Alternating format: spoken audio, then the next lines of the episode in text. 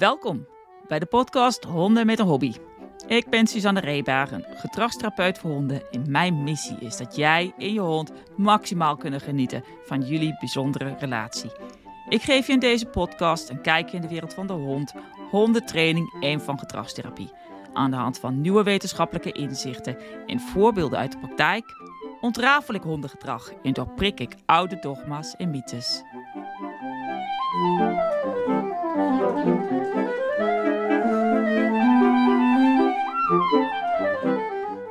Gisteren was ik uh, met een vriendin op pad, honden uitlaten en ik ben een tijdje in het buitenland geweest. Um, en ik was eigenlijk best wel nog wel een beetje moe van het rijden. Ik had wel goed geslapen. Maar um, ja, er gebeurde zoiets uh, onderweg. Wat ik met jullie wil delen, want uh, het heeft zo een mooie toepassing. het is zo'n mooi voorbeeld van wat er elke dag in het leven gebeurt van allerlei mensen en honden. En nou, laat ik maar eens met de deur in huis vallen. We waren dus terug van een wandeling. En ik stond op een voor mij bekend kruispunt. Naar links voorgesorteerd om over te steken. En net voor mij stond er een groot busje. En dan was er, ze was als eerste in de rij voorgesorteerd. Van de uitlaatservice hier uit omgeving Utrecht. Um, en ik stond er te wachten en op een gegeven moment het busje gaat rijden. En ik begin ook te rijden. Maar plotseling zie ik dus dat allemaal auto's van de overkant op me afsnellen. Dus ik, uh, ik stop even. Ik laat die auto's natuurlijk voorgaan, want ik dacht van, dit, dit is niet goed. Vervolgens, toen alle auto's gepasseerd waren, keek ik even om me heen. Of er niks van allerhande kanten aankwam. En uh, ik stak maar over. Ja, ik stond daar in het midden van het kruispunt. Wat was er nou gebeurd? Um, de rijstroken voor het rechtdoorrijden, die mochten gaan rijden. En de persoon van de uitlaatservice, die had bedacht van, oh, ik moet eigenlijk rechtdoor. Dus die ging vanuit de linkerbaan, waar ze voorgesteld stond, ging ze rechtdoor rijden en stak ze over. En wat gebeurde toen met mij? Ja, dat is iets waar ik het een uh, vorige keer over heb gehad. Over uh, het stukje klassieke conditionering. Er was zo'n olifantenpaadje bij mij. Weet je, iets wat je heel vaak in het leven doet. Hè, bijvoorbeeld uh, bij groen mag je gaan rijden. Maar ja, er geldt nog eentje. Bij groen gaat de auto voor je rijden, als het goed is. Dan ga jij ook rijden. Dus uh, het kan zomaar zijn dat koppeling ontstaat. Auto voor je gaat rijden, je gaat zelf ook rijden. Bij mij kwam dus pas de nieuwe informatie binnen toen ik zag, hé, hey, dit klopt niet. Die auto's kwamen op mij af. Hè, dus toen ging ik eigenlijk pas nadenken. Dat andere was allemaal reflexmatig eigenlijk hoe ik dat deed. Dus uh, het is echt zo uh, een beetje creepy. Uh, of nou ja, niet creepy. Het is eigenlijk, ja, dit is gewoon hoe wij wezens werken. Wat moeten we bij elke prikkel, elke input gaan nadenken, precies wat we moeten gaan doen. Ja, dan worden we gek, hè. Dus heel veel dingen gaan op de automatische piloot. Dus... Uh, ja, dit was natuurlijk geen moedswillige actie. Voor mij in ieder geval. Um, het was een aangelegd olifantenpaadje.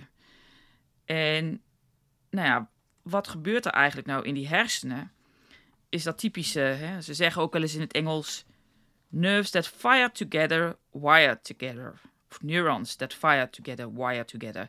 En wat het een beetje zegt, is dat die zenuwcellen die uh, uh, achter elkaar geactiveerd zijn die zullen echt dat ook vaker gaan doen. Die, die, die vergroeien bijna een beetje, dat wire together. Nou, wat hier aan de grondslag ligt is dus mechanisme van klassieke conditionering. En dat kan je terugvinden in de episode over um, Pavlov op je schouder. dus ik had een omgevingscue, die vertrekkende voorgaande auto's, die vroeger niks betekenden, had ik gekoppeld aan dat ik ook kon gaan rijden. Aan het groen. Het is een beetje hetzelfde als wanneer je tegen je hond zegt: uh, zit. Als je dat vaak genoeg geoefend hebt dat die hond zit en dat je hem dan vervolgens met een koekje bijvoorbeeld lokt om te gaan zitten. En uh, je dat vaak genoeg herhaalt, dan krijgt zit dus de betekenis van die hond gaat zitten. Dat is precies het klassieke conditioneren. En dat geldt voor allerlei dingen. Het gaat dus erom dat je iets wat niet betekenis heeft, dat het gekoppeld wordt aan iets wat betekenis heeft. Dus je ziet dat gebeuren bij alles, zoals bijvoorbeeld reflexen, maar ook emoties en gedrag, wat dan gekoppeld wordt aan een onbekende, niet betekenisvolle iets, bijvoorbeeld hè, wat ik dan nou een omgevingscue noem. Dus het onbetekenis of niet betekenisvolle, onbekende cue of prikkel, dat wordt gekoppeld aan iets bekend. Een emotie, een gedrag, een, ehm, een reflex. Ik gebruik specifiek het woord commando niet. Um, dat kan natuurlijk wel, want zit wordt vaak wel eens gezien als het commando om te gaan zitten. Maar uh, omdat alles in je omgeving ook een cue kan zijn, zodat je iets doet of zodat je hond iets doet, vind ik cue toch wel een mooier woord daarvoor. En blijf ik die toch maar gebruiken. En uh, hoop ik gewoon dat we dat uh, met z'n allen zo gaan gebruiken. Het is wel. Um, het geeft wel beter weer wat het ook is. Hè? Want het is niet altijd dat het ook opgevolgd wordt, een cue met een vervolgende actie. Maar vaak wel. Hè? Als dat olifantenpaadje eenmaal gelegd is, dan krijg je dus de cue. En um, heb je een cue en dan ga je dat gewoon, dat olifantenpaadje, uh, olifantenpaadje volgen. Je zag ook bij mij dat ik ging die cue opvolgen van die rijdende auto. Maar toen plotseling klopte het paadje niet meer en stopte uh, het plaatje niet meer van die auto's die van voren af kwamen. En onderbrak ik dat gedrag wat ik aan het vertonen was, omdat het niet meer klopte. Dat is vaak ook eh, eventjes zo'n, uh, nog een, uh, een, een, tangent, een, een, een, rabbit hole waar ik dan wel eventjes induik. Maar dat is soms wat ook gebeurt bij een hond, dat hij een cue of een commando niet opvolgt, omdat eigenlijk het plaatje weer anders is dan wat je het getraind hebt of wat hij het geoefend heeft, het gedrag. Nou moet dat natuurlijk ook wel opvallen. Wil je dus, hè, zoals voor mij was het, het viel heel erg op dat er auto's op me afkwamen maar als het niet zo opviel, dan was kans groot, waren er geen auto's geweest, dan had ik gewoon dat gedrag afgemaakt. Ook bij die honden werkt dat zo. Als het heel erg opvallend is dat iets anders is, dan ga je dat uh, niet doen. Maar uh, dan, dan kan je dus afwijken van dat paadje. Maar als dat niet heel erg afwijkt, dan is de kans groot dat je gewoon dat gedrag afmaakt. Maar oké, terug naar waar we waren. Nou, heb ik niet heel veel hiervoor hoeven te doen. En uh, om uh, te leren dat een auto die voor mij gaat rijden, dat ik uh, dan ook ga rijden. En wat ik al zei, hè, dit zijn dus van die dingen die je in het leven ongemerkt allemaal oppikt. Uh, door ervaring, door het heel vaak te doen. Nou, gisteren was dat voor mij uiteindelijk best wel een gevaarlijke situatie, heeft dat me opgeleverd. Maar meestal levert het je meer op. Het is gewoon handig dat je niet bij alles hoeft na te denken. Dat je gewoon um, acteert zonder dat je daar uh, hele dure hersencapaciteit voor hoeft uh, um, aan te spreken. Nou zei ik aan het begin dat ik een beetje moe was, nog van de reis, hoewel ik wel goed geslapen heb. Maar ik vraag me ook wel af of ook als ik niet moe was, ik het ook had gedaan. Ik denk het haast wel. Um, omdat het gewoon zo'n ontzettend ingedrild paadje is. En um, weet je, hoewel die persoon voor me misschien dacht van... Uh, dit heeft verder geen consequenties en het is veilig. Hè, want ze had vast wel eventjes uitgekeken of niet auto's van rechts achter haar aankwamen... zodat ze kon invoegen om rechtdoor te gaan. Heeft het uiteindelijk wel invloed gehad weer op mijn gedrag. En niet dat ik wil zeggen dat het haar schuld is. Hoewel, zij had wel een onwettige beweging gemaakt. Um, is dat wel, kan zulke type dingen wel weer gevolgen hebben in anderen gedrag. Dus haar bewuste keuze om toch die regel te overtreden, omdat ze anders misschien uh, moest omrijden, heeft bij mij een onbewuste actie veroorzaakt. Uh, iets wat hè, klassiek geconditioneerd is, is vaak iets wat je eigenlijk niet meer onder je controle hebt op dat moment. Het, is, uh, het, het gebeurt zo reflexmatig. Het is wel, uh, ja, een leuke hersenspinsel. Dus, maar ja, wat, wat, wat heeft dit nou te maken met honden en ongewenst gedrag bij honden? Nou, in eerste instantie, gedrag vestigt zich in je hondse gedragsrepertoire door het oefenen, door het vaker te doen.